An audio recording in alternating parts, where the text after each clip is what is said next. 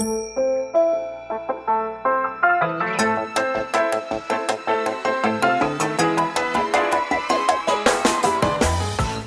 lieve luisteraars, welkom bij de Stories of Inspiration podcast van What's Your Story.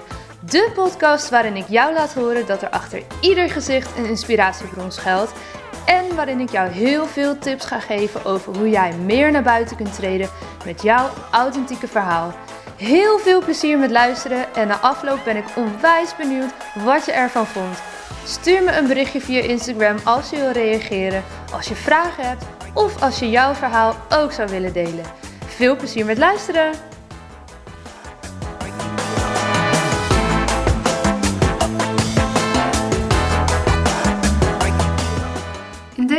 Podcast spreek ik met Sanne Gerdes. En Sanne mag je met een gerust hart verhuisexpert noemen. Zij is in haar leven zo vaak verhuisd dat ze ondertussen haar werk daarvan heeft gemaakt. En met haar bedrijf andere mensen helpt hun huis funda-proof te maken. Zodat ze hun huis sneller kunnen verkopen. Um, dus daar hebben we het over. Hoe is het toch zo gekomen dat zij in haar leven wel 16 keer verhuisd is?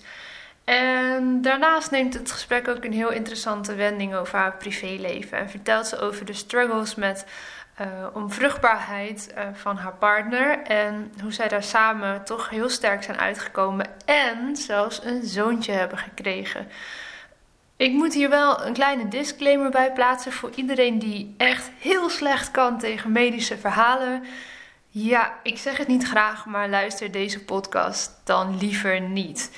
Um, het wordt niet allemaal heel smerig en goor of zo. Dat, dat is absoluut niet zo. Maar het gaat wel over uh, nou ja, wat er allemaal gebeurt in een ziekenhuis. En dat het allemaal uh, nou, niet even leuk is en pijnlijk kan zijn. Dus ik weet dat er wat mensen zijn die dicht bij mij staan en die de podcast af en toe luisteren, die hier helemaal niks mee kunnen. Dus deze boodschap is voor jullie. Skip hem. De volgende eh, zal beter zijn, hopelijk. Um, ja, dat had ik voor te vertellen over deze podcast. Ik wens jullie heel veel luisterplezier. En mocht je op het punt staan om te verhuizen, klop dan zeker een keer aan bij Sanne. Het is echt een topper. En um, ik weet zeker dat ze je kan helpen jouw huis helemaal klaar te maken voor de foto's en voor potentiële kopers. Veel plezier met luisteren. Sanne, welkom in de Stories of Inspiration podcast. Jongens, ik zit hier met Sanne Gerdes en zij gaat vandaag uh, haar verhaal met ons, met jullie delen. En um, ja, Sanne, voor ik vraag om je straks even wat verder voor te stellen, begin ik natuurlijk met de openingsvraag. Wie is jouw grootste inspiratiebron? Ja, um, wie is mijn grootste inspiratiebron? Eigenlijk um, heb ik eigenlijk niet echt iemand als inspiratiebron. Er zijn wel heel veel triggers geweest in mijn leven waardoor mm-hmm. ik doe wat ik nu doe. En um, als ik dan denk aan een inspiratiebron, dan denk ik misschien toch wel een beetje aan Tyra Banks. Zij was vroeger yeah. Hè, het model. En als klein meisje wou ik altijd graag het liefst model worden. Maar ik had de, de goede maten niet, zeg maar. Maar Holland's Next Topmodel, dat was altijd helemaal uh, mijn ding om te kijken. En met vriendinnen, dat vond ik fantastisch. Ik dacht, oh, het leek me geweldig om op zo'n catwalk ja, te lopen. Oh, heel herkenbaar, denk ik, voor veel meiden. Ja. Dus, uh, en zij is natuurlijk ook echt een super powerwoman en uh, met haar eigen bedrijf en weet ik het allemaal. Dus ja, als je toch in de persoon wil gieten, dan, uh, dan komt zij als eerste bij mij op. Ja, mooi. Ja. Mooi, mooi voorbeeld, mooie naam om te noemen als inspiratiebron. Ja. En die triggers, daar ben ik natuurlijk straks ook heel benieuwd mm -hmm. naar. Maar zou je misschien eerst even kort kunnen vertellen wie je bent, wat je doet? Ja, Um, nou, ik ben, uh, ik ben de Sanne, ik ben uh, vastgoedstilist en verhuisexpert. Um, of verhuiservaringsdeskundige zou je het ook kunnen noemen. En daarnaast ben ik uh, gewoon docent. Ik geef les in, um, in Leeuwarden bij de opleiding HRM, Human Resource Management. En daar geef ik verschillende vakken aan, de, aan onze HRM-studenten dus. Ja. Gaaf, mooi. Ja, je zegt het net al zelf even. Eh, je bent verhuisexpert eigenlijk, Ja. behalve dat je ook eh, stylist bent. Ja, Ehm, ja, je vertelde mij zo net toen we even het gesprek voorbespraken dat je 16 keer verhuisd bent in je Ja. leven. ja klopt. Vertel, waarom? Ja, dat is inderdaad veel. En als ik het ook aan mensen zeg, dan schrikken ze altijd van 16 keer. Dat is toch niet normaal? En dan denk ik, nee, dat, eigenlijk is dat, het is niet de standaard natuurlijk. En ehm, ik ben negen keer verhuisd samen met mijn moeder en zusjes. En daarna nog eens eh, zeven keer zelf. Hier in de stad Groningen. Mhm. En ehm, dat maakt het 16 keer inderdaad. En ik zeg, ja, ik vind het soms ook altijd een beetje gênant om te vertellen van waarom ben je dan zo vaak verhuisd. En ehm, Waarom ben je zo vaak verhuisd? Ja. Laat ik hem gelijk ja, terugkaatsen. inderdaad, ja. Nou, omdat mijn moeder eigenlijk gewoon een, eh, ik noem haar maar een, een nomade die altijd op zoek is naar een betere plek. Mhm. En ehm, eh, altijd op zoek is naar iets anders. Er zit echt, Ja. er zit echt onrust in haar, zeg maar. En ehm, as we speak is ze momenteel ook weer bezig om eh, een ander huis te zoeken in het buitenland. Is, wil ze graag emigreren. Dus eh, dat gaat Dus eh, blijft steeds door. Dat blijft door, ja. En ehm, dat maakt haar in een, eh, ook natuurlijk heel speciaal. En het is ook wel charmant dat je niet een moeder hebt, ehm, een standaard moeder zeg maar Ja. die eh, achter de geraniums gaat zitten Dat met grijs haar. Dus, maar goed. Hoe was dat voor jou als kind om zo vaak te moeten verhuizen? Nou, Want ik, dit begon al vrij jonge leeftijd. ja, ja, klopt. Mijn ouders zijn eh, gescheiden nog voor ik één was. Dus toen begon de eerste verhuizing al. Ja. En ehm, ik heb ook op drie verschillende basisscholen gezeten. Dat vond ik niet leuk. Dat was, ehm, Mhm. eh, ja, je wilt toch wel graag eh, als kind ook gewoon een stabiele omgeving. Dat is eigenlijk wat ieder kind het liefste wil. En ook vriendinnetjes waar je dan weer afscheid van moest nemen van de basisschool. Dat is dan gewoon niet leuk. En aan de andere kant ehm, ken ik nu ook wel weer heel veel mensen. Hè. Mijn netwerk is heel groot. En ehm, het is ook, ja, in hoeverre ken je die mensen? Ik kon wel, vroeger wel eens jaloers zijn, ook op meiden die dan al elkaar vanaf de basisschool kenden. Ja. Maar ehm, gelukkig heb ik wel een vriendin al vanaf, eh, vanaf de middelbare school, vanaf de MAVO, die ik dus inmiddels al meer dan 25 jaar ken. En dat is echt super waardevol. ja, snap ik. Ja, Ja, want hoe, hoe was dat dan voor jou als kind? ehm, als je weer hoorde van hé, hey, we gaan verhuizen, je moet weer afscheid nemen van je vriendinnetjes. Kun je dat, kun je dat schetsen hoe dat dan ging? ja ehm, het gekke is eh, dat ik er in die zin niet zoveel bij voel. In de zin van het was gewoon een feit. Ja. Ehm, als we weer gingen verhuizen, dan was dat gewoon zo. En als je als, als kind dat ook eh, hoort, dan heb je niet echt voor je gevoel ook inbreng. Dan zeg Nee, je, ja. Hé, je ouders of je moeder in dit geval, die zegt dan gewoon we gaan verhuizen. Nou ja, oké, dus dan pak je je spullen weer. En we zeiden ook wel eens gekscherend zo van, nou als we weer verhuisd waren, van eh, waarom zou ik mijn spullen überhaupt uitpakken? Want over twee jaar gaan we toch weer. Ja. Ze werd Eh, ook bijna een beetje soort van achterdochtig of zo van, nou ja. Ja, Maar vond je het dan ook heel moeilijk om weer opnieuw eh, die vriendschappen aan te gaan? Want nee, daar was, ik, daar was ik juist wel weer goed in. Want dat leer je ook als je zeg maar zo vaak van omgeving verandert. Dan leer je dus wel ehm, heel makkelijk sociaal contact te leggen. Want je Ja. wilt toch graag weer ergens bij horen. Dat ging me eigenlijk wel heel gemakkelijk af. Ik denk wel dat dat een voordeel voor mij is geweest. ja. Maar ik was ook altijd wel een Einzelganger in de zin van... ehm, ik hoorde voor mijn gevoel nooit ergens bij. Je had dan eh, wel groepjes. Mm. En eh, die waren dan al heel close met elkaar. En dan fietste ik daar wel tussendoor. Ik deed mijn ding gewoon. En ik vond wel aansluiting, maar het was niet... En was dat dan oké? Of het- dat lijkt me ook best wel pijnlijk om dat gevoel te hebben als kind. Mm, Ik viel dat wel mee. ja, toen was het oké. Alleen in mijn latere leven heb je wel dat je hè, over dingen na gaat denken. Dat je denkt van ja, goh, ik zou het zelf wel anders willen. Ja. Ik heb nu zelf een kleine en het liefst wil ik gewoon hem wel stabiliteit bieden. En zeg ik ook, eh, ik wil momenteel zelf ook weer graag verhuizen. Ik heb wel een droomhuis. maar ik heb wel ook tegen mijn eh, eh, vriend gezegd van nou, voordat hij vier is, wil ik de keuze hebben gemaakt van of we blijven of we gaan verhuizen. Ja. Want ik wil hem absoluut niet van de basisschool afhalen, Ja. zeg maar. Dat is wel een hele sterke overtuiging. Omdat dat toch wel iets is dat ik denk, ja, dat wil ik gewoon niet dat eh, mijn kind dat heeft. En waar komt dan toch die drang vandaan om toch eigenlijk wel na die 16 keer voor een 17e Nog een keer keer, te ja, gaan? ja, ja. Waar komt dat Nou, vandaan? Ja, dat komt eigenlijk eh, misschien ook een stukje onrust in mij en die veranderdrang. Want ik zeg, je zit nu volgens mij wel in mijn DNA. En ehm, momenteel woon ik er al vijf jaar. Dat is, dat is echt een unicum voor mij. Nieuw record. Ja, dat is echt een record. En ehm eh, dus het huis, mijn vriend die woonde er al. En Oh, we ja. zijn daar gaan samenwonen. En eh, dit is een prima huis. Maar ik weet altijd wel, jij hebt altijd weer dromen of iets over weer, nou eigenlijk een beetje hetzelfde wat mijn moeder heeft. Dat je denkt, oh maar hè, eh, het gras is daar groener. Of ik wil graag, mijn droomhuis is dan een, ehm een 201 kap met een grote tuin en een schuur ernaast. Waar ik dan al mijn ja, eh, interieurspulletjes en zo kwijt kan. Dat zou ik wel heel graag willen. Maar goed. En waarin vind jij nu dan de rust? Want het klinkt heel on- onrustig ook wel. Van ja, ik wil toch wel weer weg. En wil- Ja, dat is Maar- ook heel onrustig. En soms, ja, soms dan, het voelt dan ook zo hoor. Ja. Eh, zo, de ene moment kan ik beter de rust vinden dan het andere moment. Want eigenlijk eh, is het niet wat ik liever wil, is gewoon stabiel. En gewoon een plek waar ik me ook eh, het gevoel heb van hier ben ik thuis. Ja.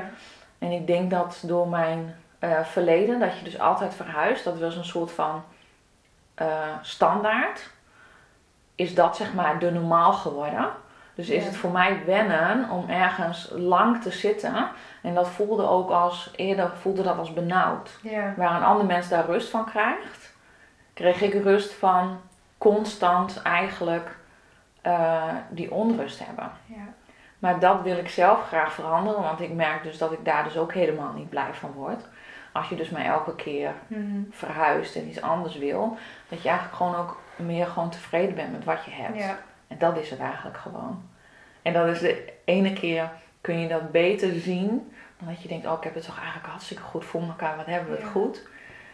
En dan soms dan steekt dat weer de kop op en dat je denkt van, oh maar, hè, die je- moet je eigenlijk ja. altijd ook hebben natuurlijk. Dat is ook zo. Ja. Maar ik was wel benieuwd, hoe ga je daar dan mee om? Want ik kan me voorstellen, bij jou is het in dit geval met verhuizen en, en een huis wat altijd mooier kan. Maar we leven ook in een tijd waar iedereen dat gejaagde gevoel, misschien op een ander gebied, Mhm. eh, waarschijnlijk ook wel ergens herkent. Van altijd maar meer, altijd maar beter, mooier, sneller. Ja. Ehm, hoe ga jij daar in jouw eh, leven mee om? Om toch ook tevreden te blijven met wat je hebt?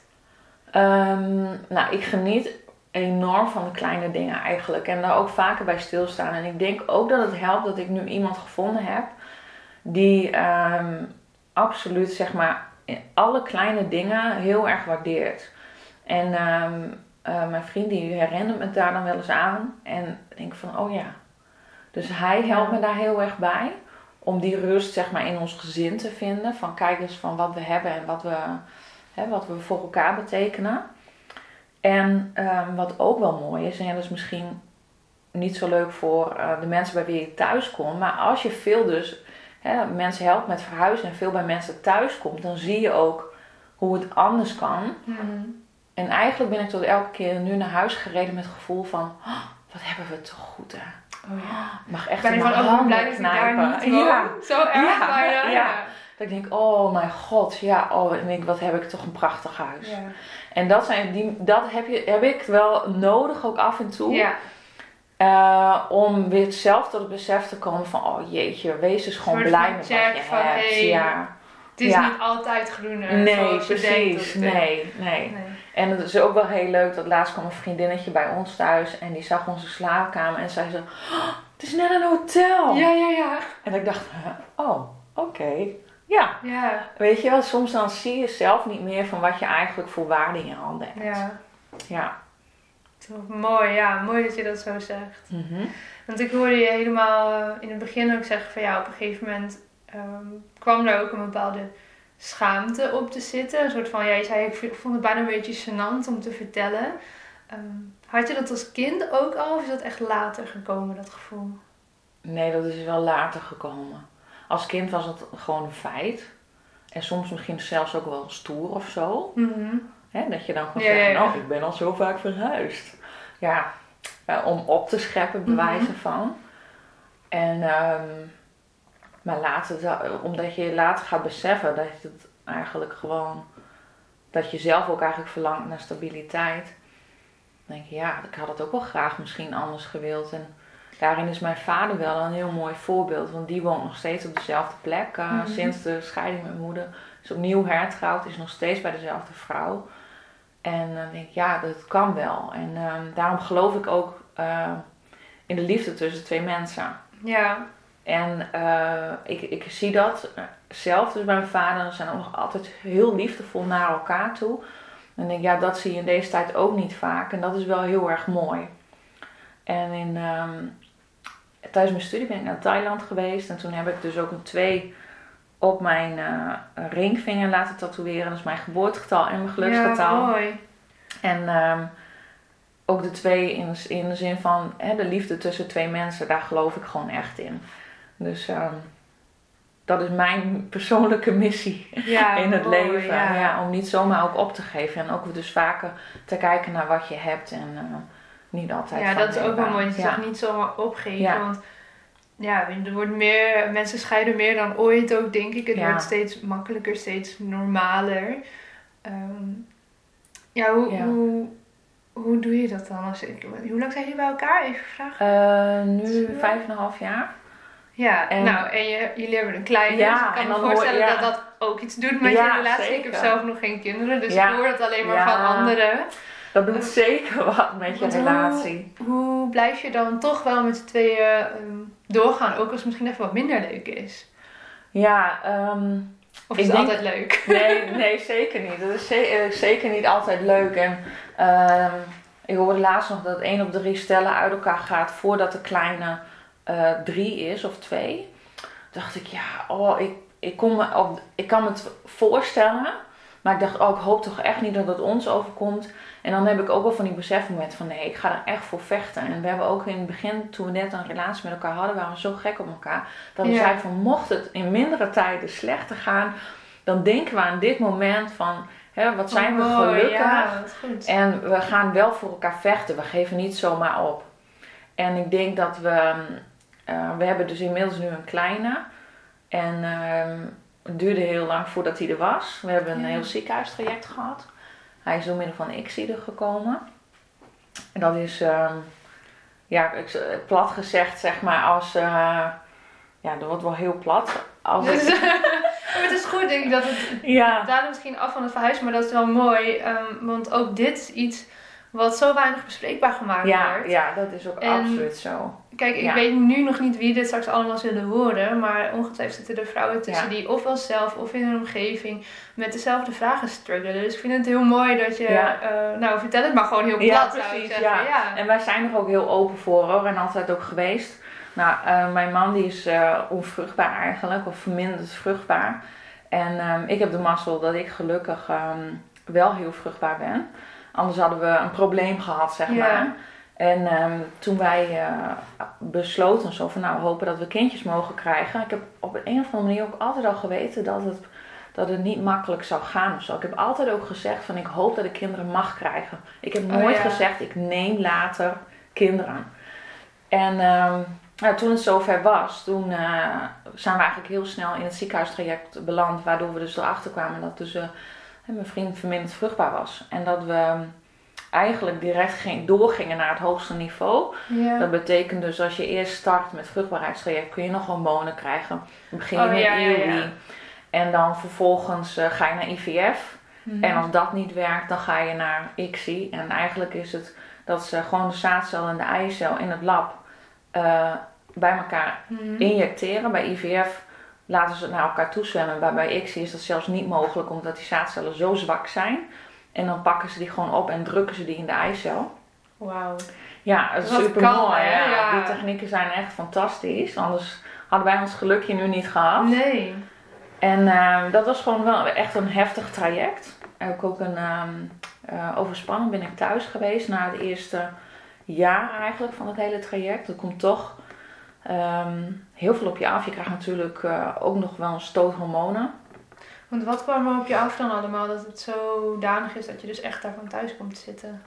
Ehm, wij zijn begonnen met een ehm, eh, natuurlijke cyclus, zoals ze dat noemen. Mhm. En dat je dus minder hormonen krijgt. Maar als vrouw zijnde moet je dan nog gewoon eigenlijk alle hormonen krijgen. Ze leggen eigenlijk je hele ehm, cyclus leggen ze plat.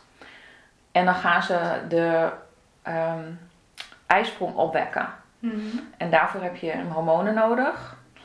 En eh, dan uiteindelijk eh, krijg je ook nog weer hormonen om die ijsprong te stimuleren.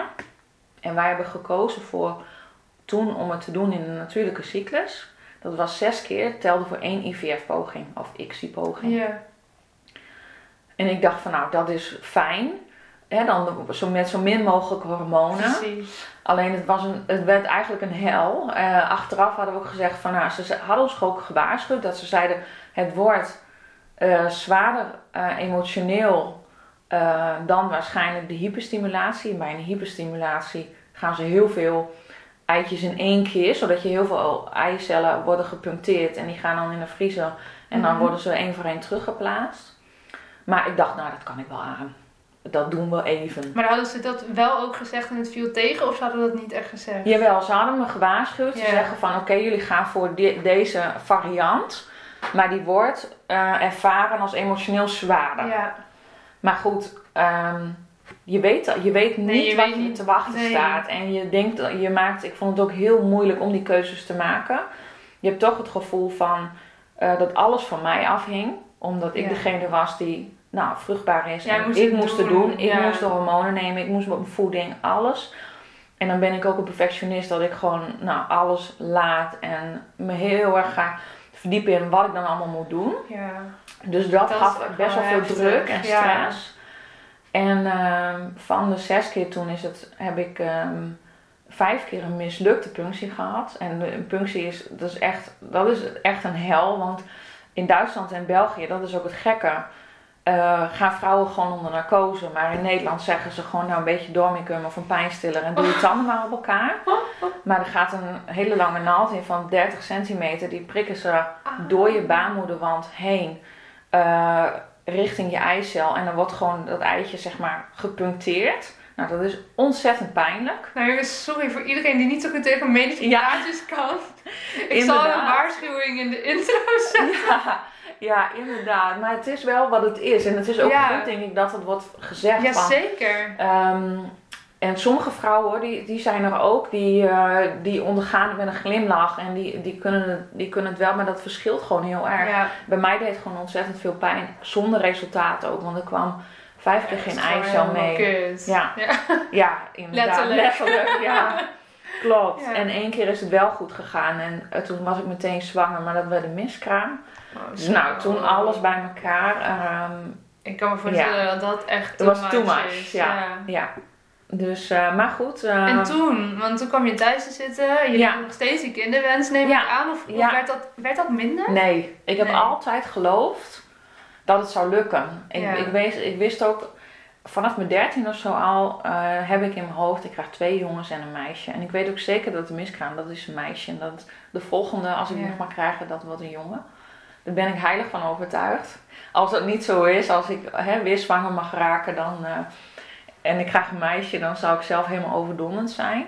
Maar ik heb ook nooit ehm, de hoop verloren. Ik heb altijd geweten, Nee. het komt goed. Mijn vriend had het daar wel wat moeilijker mee. Die, had ook, eh, nee, die voelde zich ook heel schuldig van. nou, Ja, ik kan me voorstellen mij. dat het nog, misschien wel nog kwetsbaarder is in die zin. Omdat ja, alle aandacht is op jou en jij lijkt Ja. te doen. En dat, dat Ja. geeft heel veel druk natuurlijk. Ja. Maar ja, hij is het soort van, ja, Ja. Dus, de zwakke schakel klinkt Ja. zo lullig. Maar ik kan me voorstellen Ja. dat dat wel zo voelt. Ja. Terwijl, ja, Dat hij kan er echt ja. helemaal niks Nee. aan doen. Het voelt ook zo eh, voor hem. En eh, wat je zegt, het alle aandacht was ook voor mij in het ziekenhuis. Vroegen ze altijd eerst Ja, aan mij, hoe is het met jou? Het doet En- met hem ook heel veel, lijkt me gewoon überhaupt. Dat, het feit dat hij minder vruchtbaar was, maar ook om jou door dat hele proces te zien gaan. Ja, dat was voor hem ook ontzettend moeilijk. Ja. En daar heeft hij het ook wel heel moeilijk mee gehad. En ehm, nou, dat, dat brengt ook weer de, no- de nodige spanning natuurlijk in je Ja. relatie. Dat ik ook wel eens boos ben geweest. En zo van, verdorie, waarom moet ik dit allemaal ondergaan terwijl Ja. het jouw probleem is? ja. En dat soort dingen was wel heel fijn dat we dat ook hardop tegen elkaar konden zeggen. Ehm, want als je dat niet kwijt kan, die boosheid ook soms naar elkaar toe. Ja. En hij werd soms helemaal gek van mij, omdat ik tegen hem zei: Je moet dit slikken qua pillen, je moet Ja, oh, beter ja, eten. ja, Want misschien is er een kans hè, dat jou. Ja, je dat- kan wel helemaal gek worden Ja. met z'n tweeën. ja, precies. Je kan elkaar helemaal gek maken. En ik ben er wel goed in om, zeg maar, eh, me dan helemaal op te focussen. En hij was meer, hij, ik ben meer de van de, nou, hè, East meets West. In de zin van Oosterse geneeskunde versus Westerse. En ik heb ook acupunctuur geprobeerd, weet ik veel wat allemaal. Om eh, dat het allemaal maar beter zou gaan. En hij gelooft gewoon heilig in de Westerse eh, Ja. geneeskunde. Werkt ook zelf in het ziekenhuis. En daar kon, dat, dat gaf de nodige spanning en frustratie. Dat ik dacht, ja, maar je kan toch wel een keer een alternatief proberen. Ja. Maar alternatieve geneeswijze is voor hem echt een no-go. Nou, daar liggen we niet op één lijn. Hoe hebben jullie dat met z'n tweeën opgepakt na die eerste zes eh, pogingen? Eh, waarvan één dus wel leek te lukken, maar uiteindelijk toch heel verdrietig een miskraam werd. Ja. Hoe hebben jullie het daarna opgepakt? Want uiteindelijk is er wel een zoontje gekomen. Ja, dus ja. iets is wel goed ja, gegaan er is goed gegaan. Nou, we hebben eigenlijk na die zes pogingen zijn, waren we een jaar eh, mee onderweg. Ehm, hebben we besloten om een pauze in te lassen. Mhm. In ieder geval van een half jaar. Ook om mijn lichaam rust te geven. En het was wel een heel mooi moment. We hadden dat zelf op dat moment niet door. Maar we kwamen uit het ziekenhuis voor een evaluatiegesprek. Op dat moment was de meikermis in de stad Groningen. En we zeiden van, zullen we in de achtbaan? En we gingen in die achtbaan. En we hebben heel veel lol gehad. En we hebben daar ook een foto van. En, ehm, sorry. Nee, geef niks. Op dat moment beseften we ons eigenlijk niet dat we ook eh, een soort van ehm, periode afsloten. Ja. in die achtbaan. Zo van jeetje, wat is het eigenlijk een achtbaan geweest? En ehm, toen hebben we een half jaar, of heb ik een half jaar rust genomen. En hij eigenlijk ook natuurlijk. Ja. En toen zijn we in het najaar weer begonnen met wel de hyperstimulatie deze keer. En heb ik geëist dat de punctie onder narcose zou zijn. Ja. Dat mocht. Ik zei ook, als ik dat niet mag, dan gaan we naar België of naar Duitsland. Ja.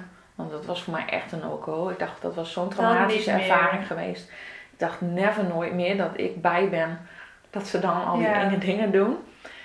En ehm, toen hebben we ehm, één verse terugplaatsing gehad. Dat werd niks. Toen werd ik dus gewoon ongesteld, zeg maar. En toen eh, hadden we nog ehm, één over in de vriezer. En dat noemen we in de, de, al die termen een Eskimo. En eh, die Eskimo hebben ze in 2018, begin 2018, uit de vriezer gehaald en die is teruggeplaatst. En dat is nu Tigo. Wauw. Ja.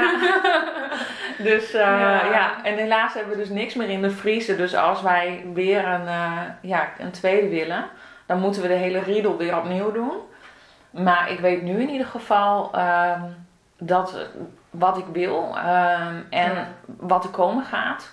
En hoe, Je bent wel eh, ja, veel beter voorbereid. Ja. Maar is dat iets wat je nog wel zou willen? Ik kan me ook heel goed voorstellen dat je denkt, nou, zo is het goed. nee, Nee, ik absoluut niet. Mijn vriend wel, die heeft zoiets van, weet nog je. een keer. Ja, en die zegt dan ook, ik wil jou dat niet aandoen. En dan denk ik, ja, dan bepaal ik zelf wel even Ja. of ik dat weer eh, onderga of niet. Ja, ja wil, wil dit jou niet aandoen of, of zichzelf? Dat is natuurlijk Ja. een goede vraag. En hij vindt het toch ook best wel pittig nu met een Ja, kleine.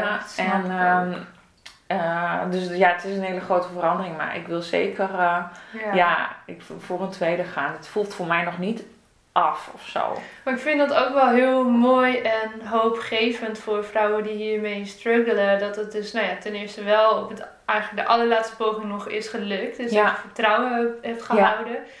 En dat ondanks hoe naar het ook eigenlijk was en hoe zwaar het is geweest. En hoeveel energie en struggles het jullie heeft gekost.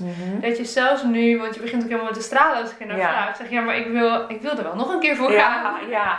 En dan, als je dat inderdaad, als je dan net dit hele medische verhaal ook hebt gehoord, dat je denkt, ah, wat doe je jezelf Ja. aan, weet je wel. Maar het is het absoluut waard. En ik wist ook niet dat er, er bestaat ook op Instagram een hele community aan vrouwen die met hetzelfde probleem zitten, waar ik ontzettend veel aan heb gehad.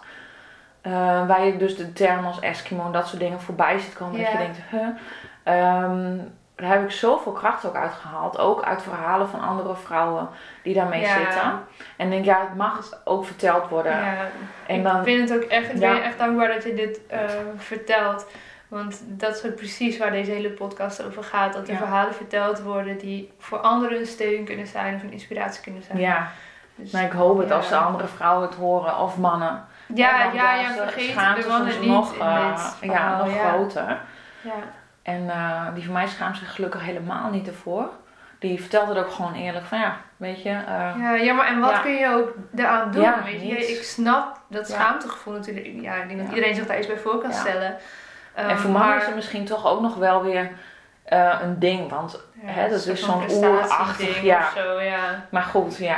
ja, maar mooi dat hij daar zo mee omgaat en ervoor uitkomt. Ja. Want, ja. En heel veel zelfspot. Ja, Dus ook- nee, dat, is ook dat echt, helpt dan eh, wel. Ja, Ja. ja, Bijzonder. ja. Nou, we zijn een aardig eind Ja, ja Maar dat inderdaad. maakt helemaal niet uit. Ik vind het echt, echt heel mooi ehm, dat je dit zo vertelt. En ik denk dat het, het bruggetje hem erin zit dat, dat je voor je zoontje dus wel die stabiliteit wil Ja. gaan creëren die je vroeger zelf Ja. hebt gemist. Ondanks dat je dus wel nog steeds die onrust voelt om, Ja. eh, om toch weer naar een nieuw huis te gaan. Ja. Ehm, hoe, hoe, hoe ga je om met die, met die tweestrijd? Dat, ik hoor je zo duidelijk de hele tijd die twee dingen zeggen. Maar ah, ik kan me voorstellen dat het zo'n interne, ja. Nou ja, Af en toe heb ik, Vecht lo- bijna ja, is. loop ik ook echt tegen de muur omhoog. Ja, qua onrust. Of maak ik er weer eens ruzie met mijn vriend. Dat ik zeg, ik wil nieuwe gordijnen. Ik wil dit anders. ja precies. Daar wordt hij helemaal gek van. Want hij is eigenlijk, nou daarin ook weer het tegenovergestelde voor mij. We vullen elkaar wat dat betreft echt heel goed aan. Maar dat werkt natuurlijk ook niet altijd. ehm hè, werkt ook wel eens averechts. Maar ehm, ik heb wel geleerd om niet direct op mijn impulsen af te gaan altijd. Ja. Vroeger was ik misschien sneller geneigd van als ik dan nu vandaag bedacht, ik moet nieuwe gordijnen, dan ging ik ze ook direct halen. Oh ja. Nu heb ik gewoon met iemand anders te overleggen, tot mijn Ja. grote frustratie soms. en dan kan ik niet even naar eh, een woonwinkel. En, ehm, Nee. en wat het leuk is, als mijn vak als vastgoedstylist, is dat ik nu dus anderen mag helpen om hun huis zo goed mogelijk in te richten voor de verkoop. Waardoor ik dus naar hartelust kan schuiven met meubelen en dingen anders. Ja, want ik Dus wilde daar eigenlijk je vragen, je kwijt. zegt het zelf nu al, want dan kan je daar je onrust dan niet gewoon, Ja. maar dat, dat ja, haalt je eigen onrust dus nog niet helemaal weg. nee, dat blijft nog wel een beetje. Ja. Dus eh, misschien als ik elke dag mensen kan helpen. Ja. En eh, ik merk ook echt, eh, als ik dan bij een klant ben geweest en ik heb ze geholpen met de styling en dan, dat voelt zo goed. Denk ik, ja, dit is wat ik, wat ik leuk vind en hier ligt mijn passie en dit vind ik fantastisch om te Hoe doen. ben je uiteindelijk bij deze passie, zoals je het mooi noemt, terechtgekomen? Ja, dat is ook wel weer een eh, grappig verhaal, want ik heb dus eigenlijk ook altijd vanaf jongs af aan zoiets had ge- gehad van ik wil graag een eigen bedrijf. En ik had het altijd in mijn hoofd eh, dat ik een spa en wellness, want mijn achtergrond is schoonheidsspecialist. Ehm, zo ben ik ooit begonnen. En toen dacht ik, oh dat lijkt me gaaf om een eigen salon te hebben en je bezighouden met beleving en dergelijke. Maar goed, dat is een behoorlijke investering. Je kan niet zomaar een, Ja. ja, een termen eh, neerzetten. Nee, dat nee, kost nee, miljoenen. Het is nogal wat. Dat is nogal wat. Dus dat is altijd een beetje op de achtergrond bleef dat sluimeren van ja, nou ja, dat is misschien niet een eh, ding. En eigenlijk zelf, het beroep zelf beoefenen, nou haal ik ook niet eh, voldoening uit. En ehm, inmiddels heb ik ook mijn MBA gehaald, dus die business Ja. zit er dan ook wel in. En ehm, eh, toen kwam ik dus eh, thuis te zitten toen ik eh, overspannen was. En toen had ik zoiets van, nou, als het ons mag lukken om een kindje te krijgen, dan ga ik in ieder geval het eerste levensjaar thuis zijn. Dat vind Ja. ik belangrijk. Ik wil gewoon graag voor mijn kind er zijn. Mhm. En niet dat je dat niet bent als je gewoon aan het werk gaat natuurlijk. Maar als ik die mogelijkheid heb, dacht ik, nou het lijkt me heerlijk om dan na dat hele traject daarvan te genieten. Ja. En intussen mijn dromen waar te maken en mijn eigen bedrijf op te starten. En ik wist nog niet waarin. Ik had me wel, ik wist dus, ik- mensen ze hebben altijd zijn, eh, vaak een passie in, eh, in zingen of Mhm. gitaar spelen of iets dergelijks. En toen dacht ik, oh, ik heb helemaal geen passie. Ik wou dat ik dat had. Totdat ik dus thuis was en met de babykamer bezig was. En dat werd zo fantastisch gaaf. Ik ben er nog steeds mega trots op. En die had ik zo mooi gestyled. Dat ik dacht, ja, dit is toch wel echt mijn passie. ehm, interieurstyling. En toen dacht ik van, nou weet je, ik ga een opleiding tot interieurstyliste doen. Binnen huisarchitectuur leek me heel leuk. Ik zag vroeger altijd heel erg op tegen het wiskundige gedeelte. Anders had ik het misschien eerder gedaan. En ik heb me daarvoor aangemeld. En eh, op het moment dat ik mijn aanmelding had gedaan, ging mijn moeder weer eens verhuizen. en haar huis stond te koop en die stond heel lang leeg te koop. Nou ja, lege huizen verkopen gewoon niet, want mensen kunnen gewoon moeilijk visualiseren Ja, hoe wat dan- hoe de ruimte Ja. is en voelt en of daar een bank in past of een tweepersoonsbed. En toen heeft zij een vastgoedstylist ingeschakeld om het huis te stylen voor de verkoop. En ik had wel hier en daar wat gezien van vastgoedstyling, want ik wist niet dat het vak überhaupt bestond toen. Mhm.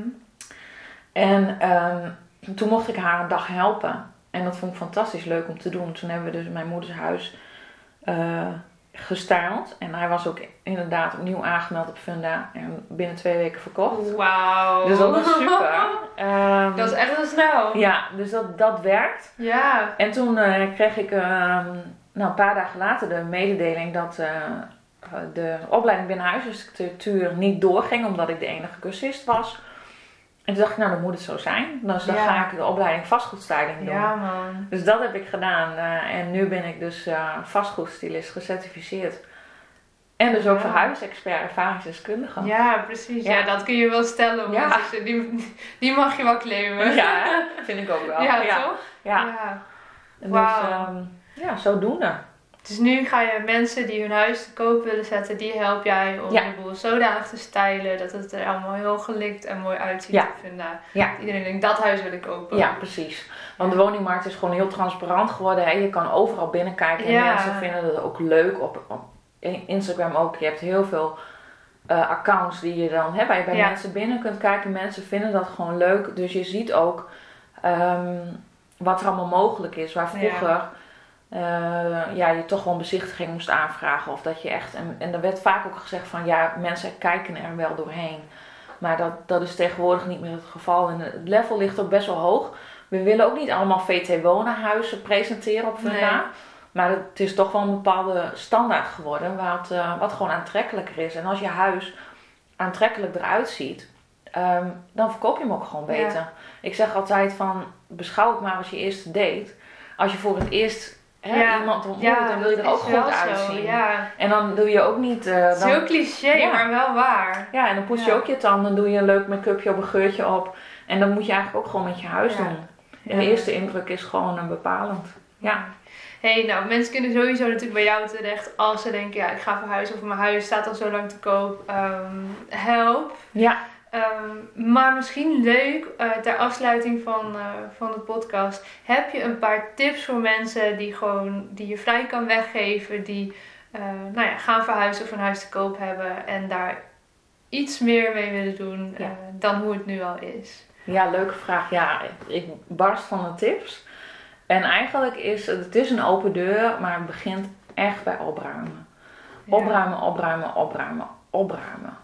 Dus zorg ervoor dat je huis ehm, eh, ook toegankelijk is. Dat er niet heel veel spullen staan. Want als Mhm. mensen eh, jouw spullen zien staan, kunnen ze hun eigen spullen er niet zelf zien staan. Ja. Want verkopen of kopen is emotie. Als je ergens binnenkomt, dan wil je ehm, dat kastje van oma zien staan. Ja, ja, Dat je denkt, oh ja, mijn erfstuk die kan daar mooi staan.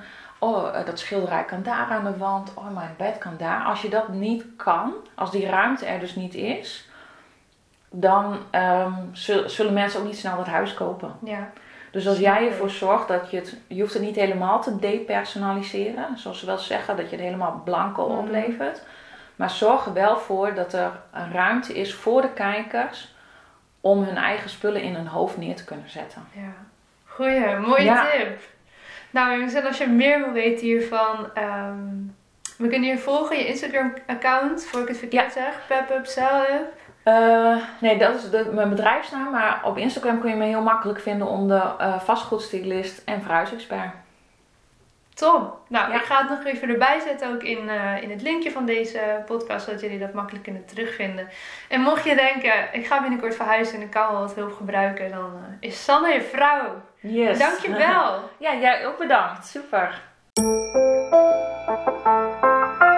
Ja, dat was hem weer voor deze keer. Dankjewel voor het luisteren en ik hoop dat je hebt genoten van deze podcast. Wil je me helpen deze podcast te laten groeien? Laat dan een recensie achter via iTunes of deel in je Instagram stories dat je hebt geluisterd en vergeet mij niet te taggen. What's your story? NL. Zo kunnen wij er samen voor zorgen dat er meer en meer inspirerende verhalen gedeeld zullen worden. Alvast onwijs bedankt voor je support en tot de volgende aflevering.